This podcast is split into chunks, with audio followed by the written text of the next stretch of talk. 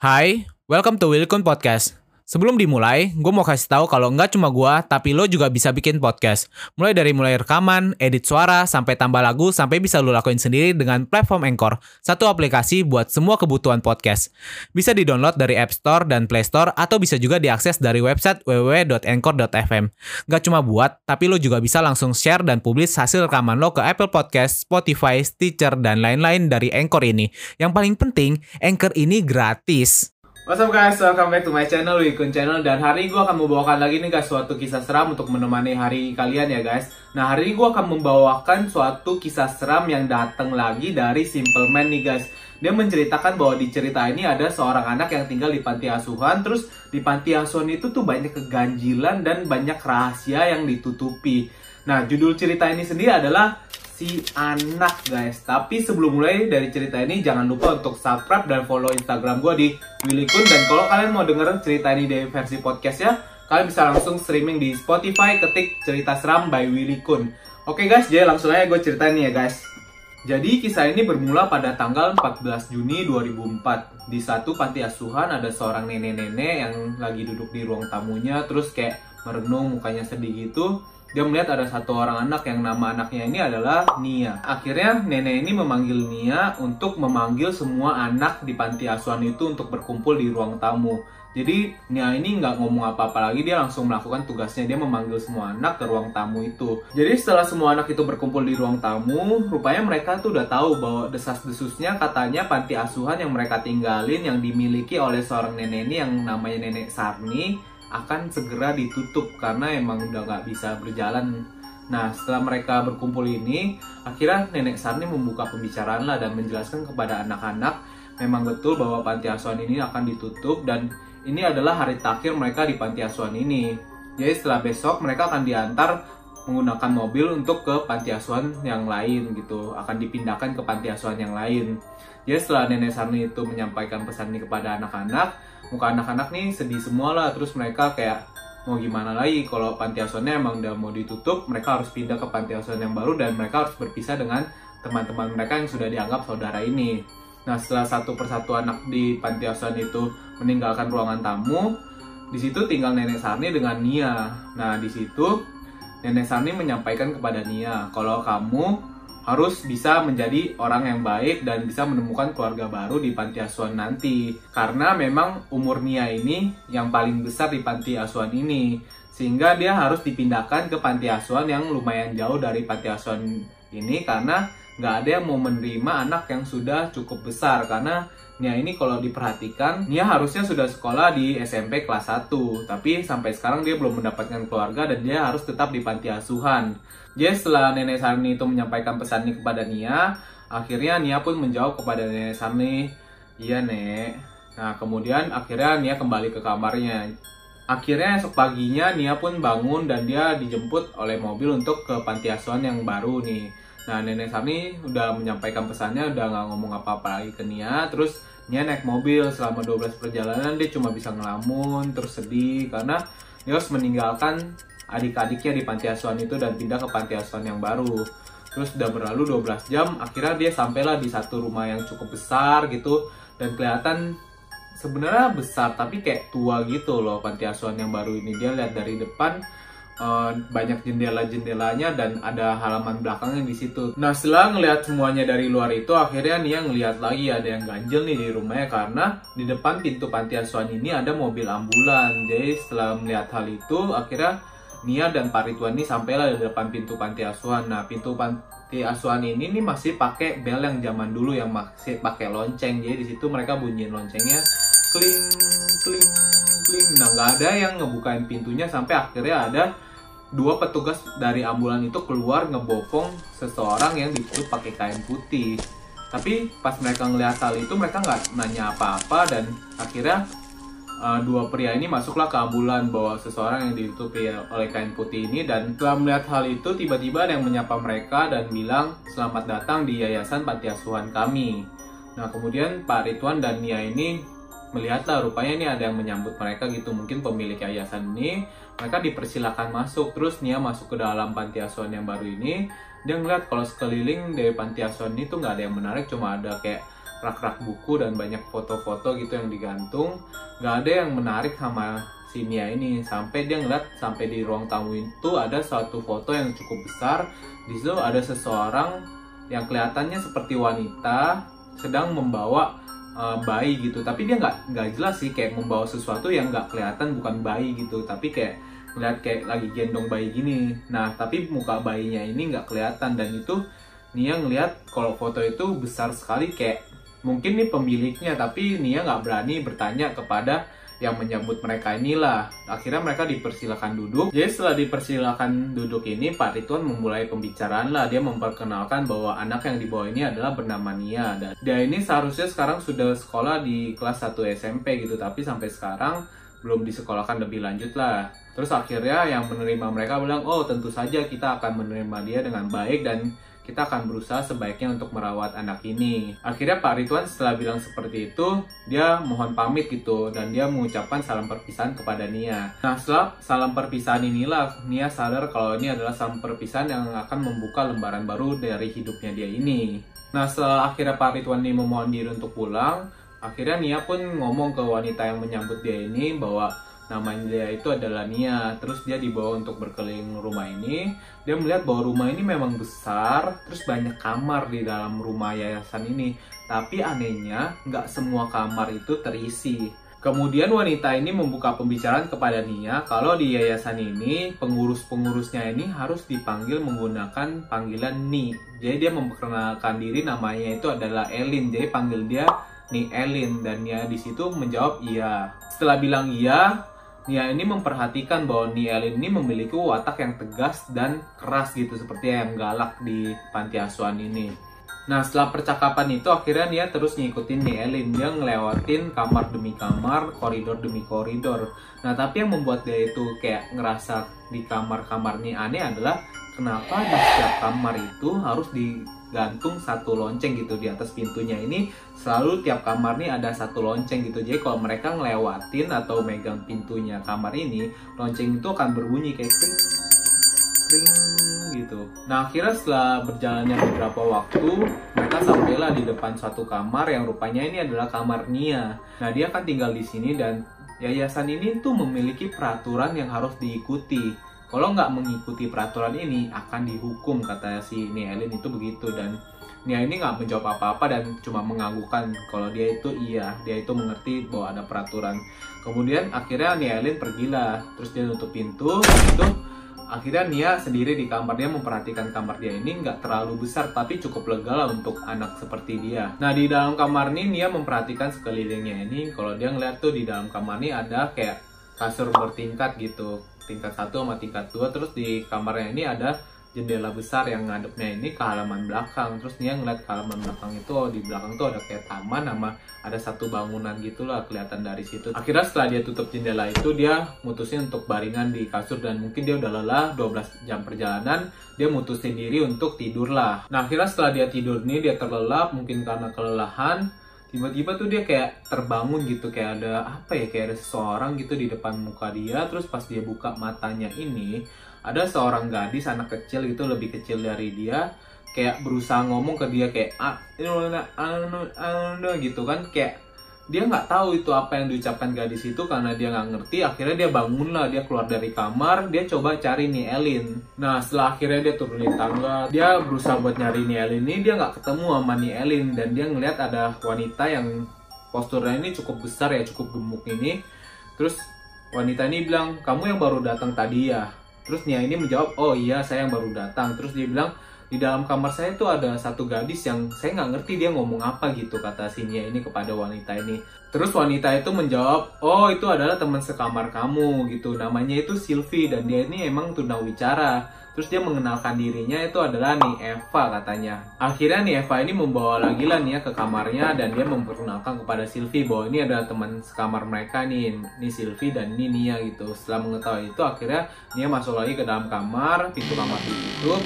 Terus di situ Sylvie selalu berusaha untuk ngobrol sama Nia, tapi kayak ngomong orang tunawicara gitu, ah, uh, uh, uh, kayak gitu kan si Nia ini nggak ngerti apa yang diomongin sama Sylvie dan di situ dia cuma bisa ngangguk-nganggukin tapi Sylvie ini selalu berusaha untuk ngobrol sama si Nia ini. Nah, setelah beberapa saat di kamar itu akhirnya Sylvie ini kayak memberi isyarat kepada Nia untuk menarik tangannya gitu. Dia ambil tangannya si Nia ini, terus dia tarik. Nah, di situ Nia ini ngikutin Sylvie aja rupanya. Sylvie ini ngajak Nia ini untuk bermain di halaman belakang. Jadi mereka sampai di halaman belakang, akhirnya Sylvie masih berusaha ngomong nih sama Nia kayak oh, terus kan kayak Nia ini nggak ngerti apa yang diomongin Sylvie. Akhirnya dia cuma ngangguk-ngangguk dan Nia ini memperhatikan di halaman belakang ini kelihatan ada satu gedung gitu kan yang nggak bersatu dengan yayasan ini di gedung belakang. Di situ ada satu jendela yang cukup besar. Nah terus ada tirai putihnya gitu. Terus dia perhatiin perhatiin di situ ada seseorang yang lagi merhatiin mereka gitu tapi mukanya ini ketutupan sama tirai putih gitu. Jadi ada seseorang yang lagi memperhatikan mereka main di halaman belakang dan nggak ngucapin apa-apa gitu. Nah akhirnya setelah Nia ini memperhatikan itu dan melamun tiba-tiba Sylvie ini megang tangannya Nia lagi nih. Terus dia kayak pegang tangannya dengan kenceng terus dia gelangin kepalanya yang kenceng gini ke arah Nia. Terus dia langsung tarik Nia ke dalam rumah terus dia cuma di dalam rumah ini dia teriak-teriak gitu. Iya iya iya gitu dia teriak-teriak. Terus setelah Sylvie ngomong ini dia ini nggak ngerti apa sih itu iyak. Dia kan nggak tahu gitu apa sih maksudnya iyak ini apa gitu. Dia nggak ngerti. Terus setelah Sylvie teriak-teriak nih ada satu seorang lelaki gitu keluar dari arah koridor terus dia pakai kayak tongkat kayu gitu. Terus dia bilang udah nggak usah disautin nggak bakal ngerti kok kalau dia ngomong apa gitu. Terus laki-laki itu bilang kalau udah sore kayak gini, mending di dalam kamar aja. Jangan keluar kamar dan main ke halaman belakang. Saran aja sih.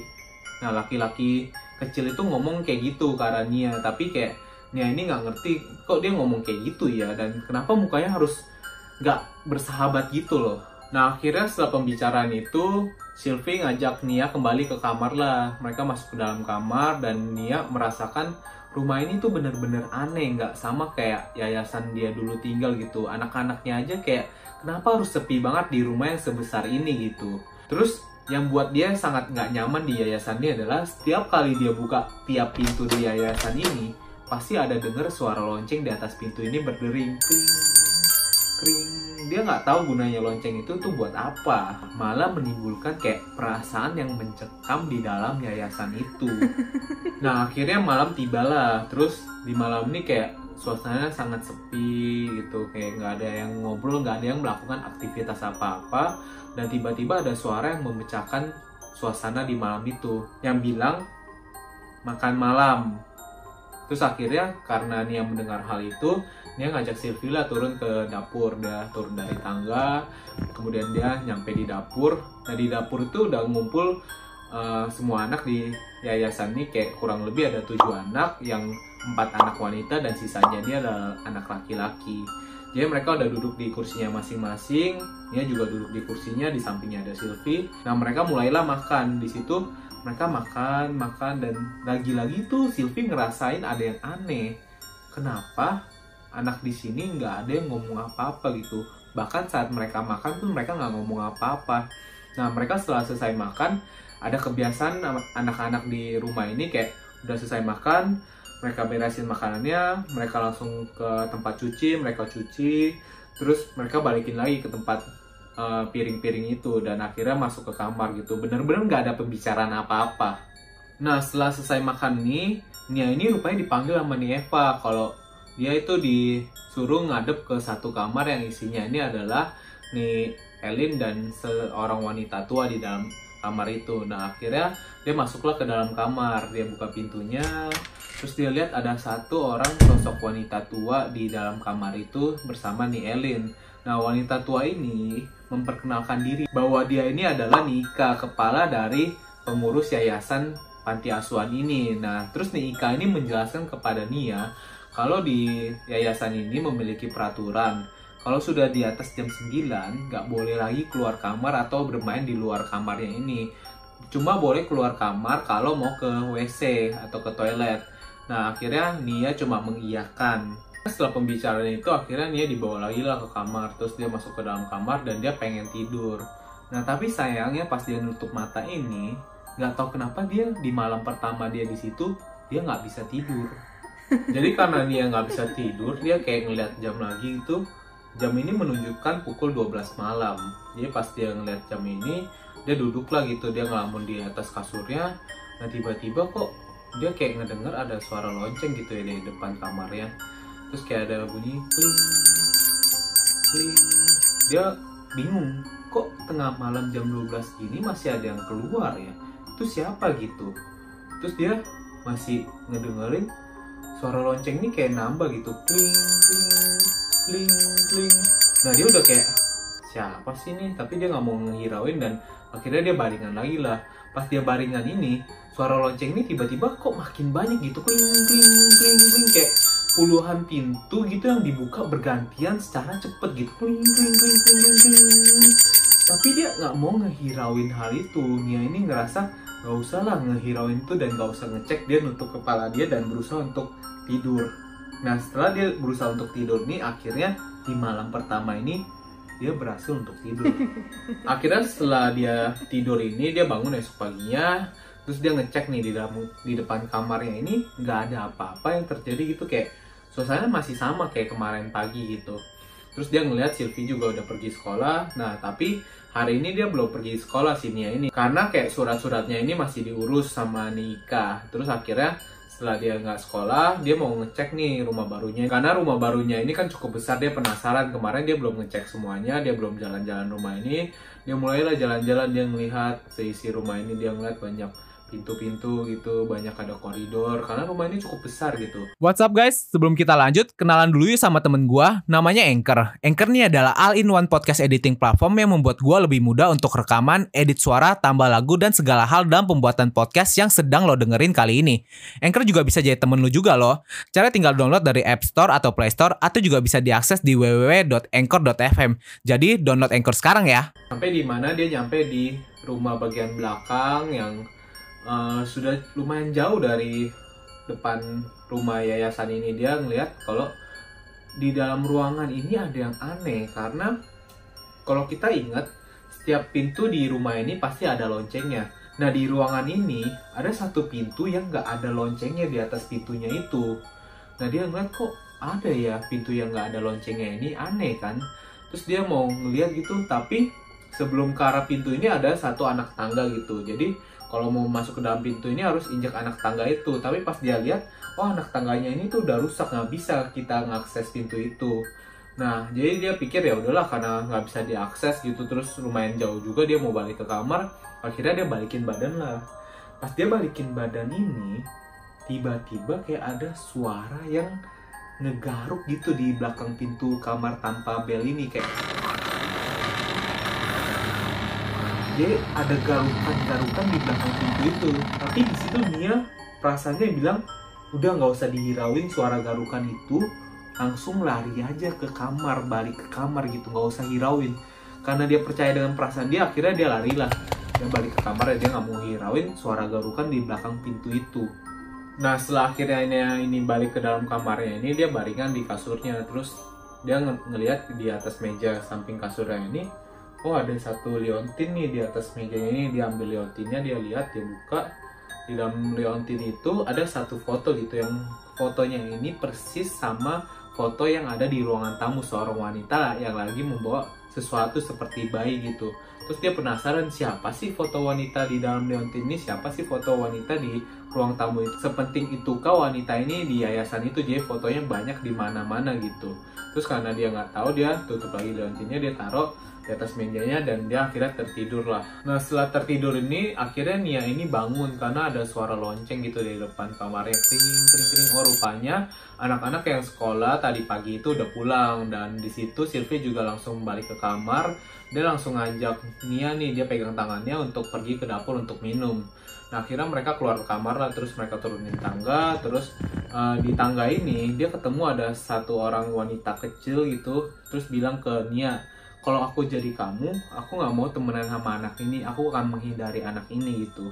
Tapi kayak udah papasan gitu aja dia denger itu Nia ini nggak ngerti apa yang dibilangin sama cewek inilah si gadis kecil ini. Terus dia nggak ngehirauin apa yang dibilang sama gadis kecil ini. Nah akhirnya mereka sampai di dapur terus mereka minum terus mereka jalan nih. Tapi pas di perjalanan baliknya ini anehnya Sylvie itu berhenti di depan ruangan yang pintunya ini nggak ada bel terus dia kayak ngeliat ke arah atas gitu terus sambil ngelamun gitu kan karena dia ngelihat hal itu Nia ini kayak apaan sih Sylvie ngapain sih berhenti di depan ruangan kamar itu terus dia langsung tarik tangannya Sylvie untuk balik ke dalam kamar.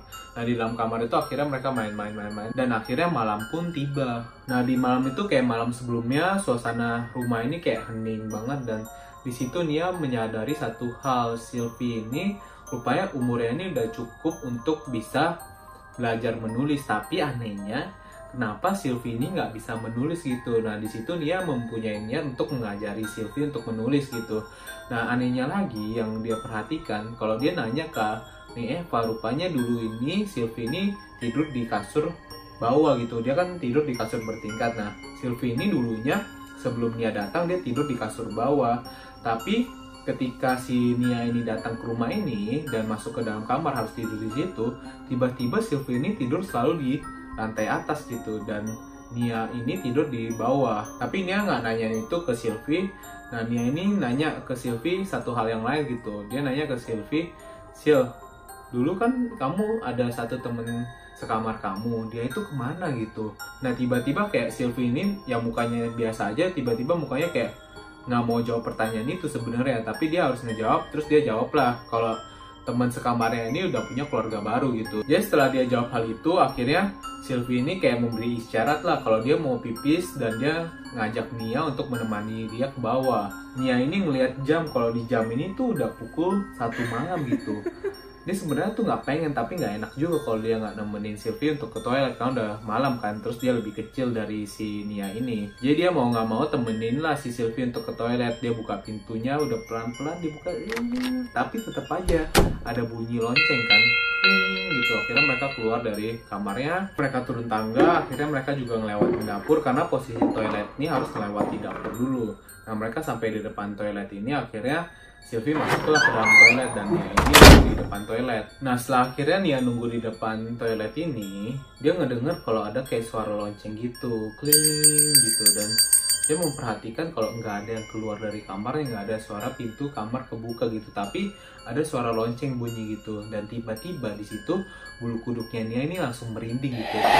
Nah dia ngerasain kalau di situ dia udah nggak sendirian. Ada seseorang atau ada satu sosok yang datang ngehampirin dia. Karena dia udah ngerasa nggak nyaman kayak gitu. Akhirnya dia manggil lah si Sylvie. Sil udah belum? gitu kan tapi di dalam toilet ini nggak ada jawaban dari Sylvie dan akhirnya Nia ini mutusin untuk masuklah ke dalam toilet untuk nyari Sylvie. Nah terus dia buka pintu kamar mandi yang pertama nggak ada Sylvie gitu. Terus pas dia mau ngelangkah ke pintu toilet yang kedua, tuh bunyi lagi bel kring dan itu bunyi bel yang kedua. Nah setelah bunyi bel yang kedua ini tiba-tiba pintu toilet yang kedua ini kebuka dan kring, rupanya di situ Sylvie yang keluar ya karena Nia ini udah gak nyaman banget dengan suasana ini akhirnya dia peganglah tangan Sylvie untuk balik ke kamar. Terus dia narik tangannya Sylvie untuk balik ke kamar dia cepet-cepet. Nah tapi pas perjalanan pulang ini tiba-tiba kayak Sylvie ini narik tangannya gitu. Nah terus dia bengong dulu ngeliat ke atas gitu kan. Nah tiba-tiba dia langsung ngadep ke mukanya Nia gitu. Terus dia teriak iya iya iya gitu dengan suara yang kenceng gitu tapi nggak bisa ngomong dengan jelas. Terus si Nia ini bingung apa sih yang di ngomongin sama Sylvie ini. Nah, tiba-tiba pas dia ngelihat hal itu, semua lonceng yang ada di samping kiri kanannya dia ini bunyi bersamaan gitu. Kring, kring.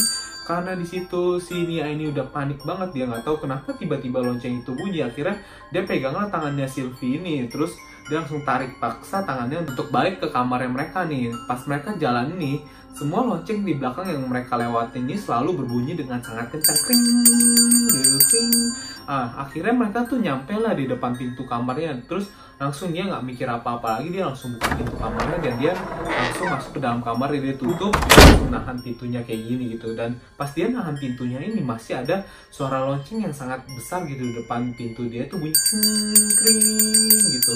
Sampai akhirnya suara lonceng itu hilang, nggak berbunyi lagi. Terus akhirnya dia ini bawalah Sylvie untuk balik ke atas kasurnya dia ini. Karena kasurnya ini di tingkat yang kedua ini akhirnya Nia ini kayak kasih Sylvie untuk naik dulu ke atas. Jadi pas Nia coba untuk naik tangga di kasurnya ini untuk ngelihat pastiin Sylvie udah di kasurnya baringan, tiba-tiba pintu kamar yang tadi dikunci sama si Nia ini tiba-tiba kebuka terus ada bunyi bel lagi dia sontak di situ Nia langsung lihat ke belakang dong pas dia ngeliat ke belakang ini rupanya yang ngebuka itu adalah nih Elin. Dan yang buat dia sangat bingung banget itu adalah nih Elin ini lagi megang satu anak kecil. Dan anak kecil itu adalah Sylvie.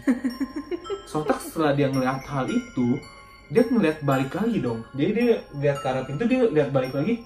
Loh Sylvie yang tadi dia tarik di lorong ini terus dia taruh di kasur nggak ada gitu terus dia ngedenger nih El ini bilang Nia kamu kalau bawa Sylvie ke kamar mandi tolong dianterin balik lagi jangan ditinggalin di toilet loh tadi kan Nia ini udah bawa Sylvie buat balik ke kamar. Jadi siapa yang dia bawa selama ini? Jadi setelah percakapan itu akhirnya Nia ini masukinlah Sylvie ke dalam kamar dan dia tutup lagi pintunya. Terus dia pamit, terus akhirnya Nia ini udah nggak tahu lagi dia itu ngalamin apa sih. Terus ya udahlah dia nggak mau mikirin apa-apa lagi. Akhirnya dia tidur. Nah akhirnya esok paginya ini Nia ini bangun gitu dia bangun oh udah pagi terus dia ngerasa kayak nah, semalam jangan-jangan dia cuma mimpi kali ya. Nah di situ akhirnya Nia bangun ini karena panggilan dari nih Eva. Nih Eva bilang kalau Nia ini dipanggil sama Nika untuk menghadap ke kamarnya.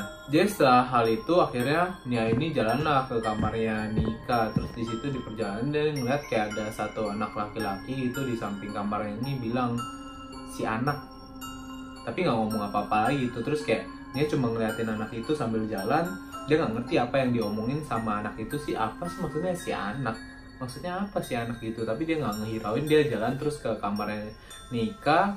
Terus dia ketok pintunya tok tok tok tok tok tok tok tok nah akhirnya dibukain lah pintunya sama Nika gitu. Terus dia masuk ke dalam kamar itu dia dipersilakan duduk. Nah di situ Nia udah kayak deg-degan Nika ini ngapain manggil saya ya? Ngapain sih manggil aku gitu? Terus Kan dia nggak tahu apa yang mau disampaikan Nika ini. Akhirnya Nika ini membuka pembicaraan kepada Nia ini.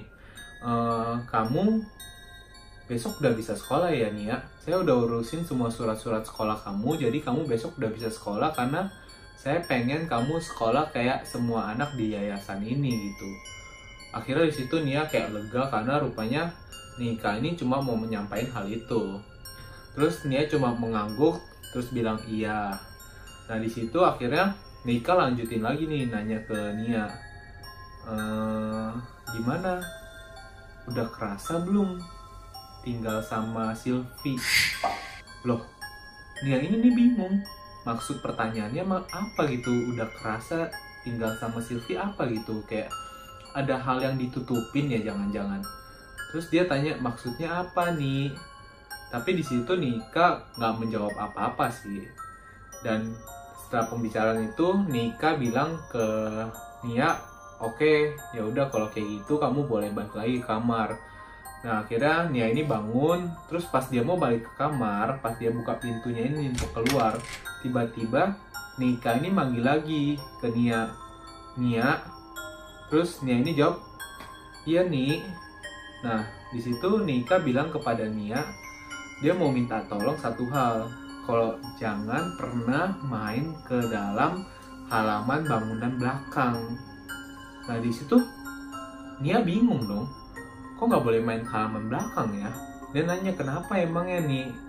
Nah tapi Nika ini kayak mau menjawabnya gitu dengan perasaan berat dan seperti menutupi sesuatu gitu. Tapi dia di situ cuma bilang, iya di situ ada kuburan pemilik yayasan pertama jadi jangan pernah main ke halaman belakang yang ada gedungnya ini ya. Jangan pernah main di gedung halaman belakang.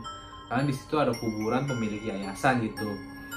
Terus akhirnya karena Nia tahu itu kayak ada satu hal yang ditutupin tapi dia nggak mau nanya apa-apa lagi. Akhirnya dia cuma iyain dan dia tutup pintunya itu dan kembali ke kamar. Nah sebelum akhirnya Nia ini kembali ke kamarnya, setelah Nika itu bilang ke Nia jangan main ke halaman belakang, ya biasalah anak kecil semakin dibilang jangan, dia semakin penasaran. Jadi akhirnya ini Nia berhenti di depan lorong yang mengarah ke pintu tanpa lonceng ini ke halaman uh, bangunan belakang ini dan dia berhenti di lorongnya itu dan dia memperhatikan gitu sekeliling. Nah tiba-tiba saat dia melamun dia memperhatikan sekeliling ini di lorong ini tiba-tiba kayak ada teriakan gitu. Gitu kan? Rupanya yang teriak itu adalah Sylvie.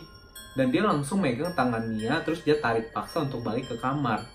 Nah di kamar nih ekspresi muka Sylvie yang biasanya ceria terus selalu pengen cerita apa pun kepada Nia berubah dia kayak mukanya ini marah banget ke arah Nia terus kayak ngoceh tapi Nia ini nggak ngerti apa yang dibilangin sama Sylvie karena dia masih pakai bahasa tunawicaranya. Jadi Nia ini nggak ngerti apa sih yang diomongin Sylvie karena Nia ini nggak ngerti pembicaraan apa yang Sylvie ucapin. Akhirnya Sylvie ini sebel, akhirnya dia cakar lah muka Nia dan dia pergi gitu dari kamar. Nah setelah akhirnya kejadian itu malam pun tiba lagi. Suasana di malam yayasan itu kan selalu sunyi, senyap, nggak ada suara apa-apa. Dan Nia ini sebenarnya di malam ini sudah sangat berusaha untuk tidur. Tapi sayangnya dia itu nggak bisa nahan sakit perut yang dia udah tahan dari tadi. Dia pengen tidur aja tapi sakit perutnya tuh bener-bener pengen dia nggak tahan lagi tuh jadi dia akhirnya ngelihat rupanya Sylvie ini udah tidur. Ya udah dia keluarlah dari kamar dengan sangat pelan-pelan. Dia buka pintunya.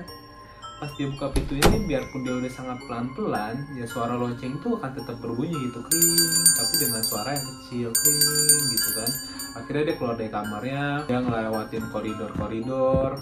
Terus dia turunin tangga terus ngelewatin dapur. Nah dia nyampe lah di depan toilet ini. Nah jadi di toilet di yayasan ini di dalam toiletnya ini ada kayak empat bilik gitu untuk anak-anak yang pagi-pagi nanti mau mandi nggak berebut. Nah akhirnya Nia ini masuklah ke dalam toiletnya. Terus dia ngebuka pintu yang pertama krek krek krek. Oh di depan pintu yang pertama ini nggak bisa dibuka nih soalnya kayak ada orang gitu dia ngeliat bawah di bawahnya ini ada bayangan kalau di dalamnya ini ada orang. Terus akhirnya dia masuklah ke bilik yang kedua dia buka pintunya eh oh bisa buka terus dia masuk ke dalam akhirnya dia jongkok. Terus pas dia jongkok ini nggak ada suara apa apa di toilet itu kayak cuma ada suara bercikan air gitu tik tik tik tik. Tapi di tengah detik suara air ini percikan air ini dia ngedenger kayak samar-samar gitu ada suara anak kecil lagi ketawa gitu. Terus dia ngerasa suaranya itu tuh datang dari bilik nomor satu gitu di kiri dia.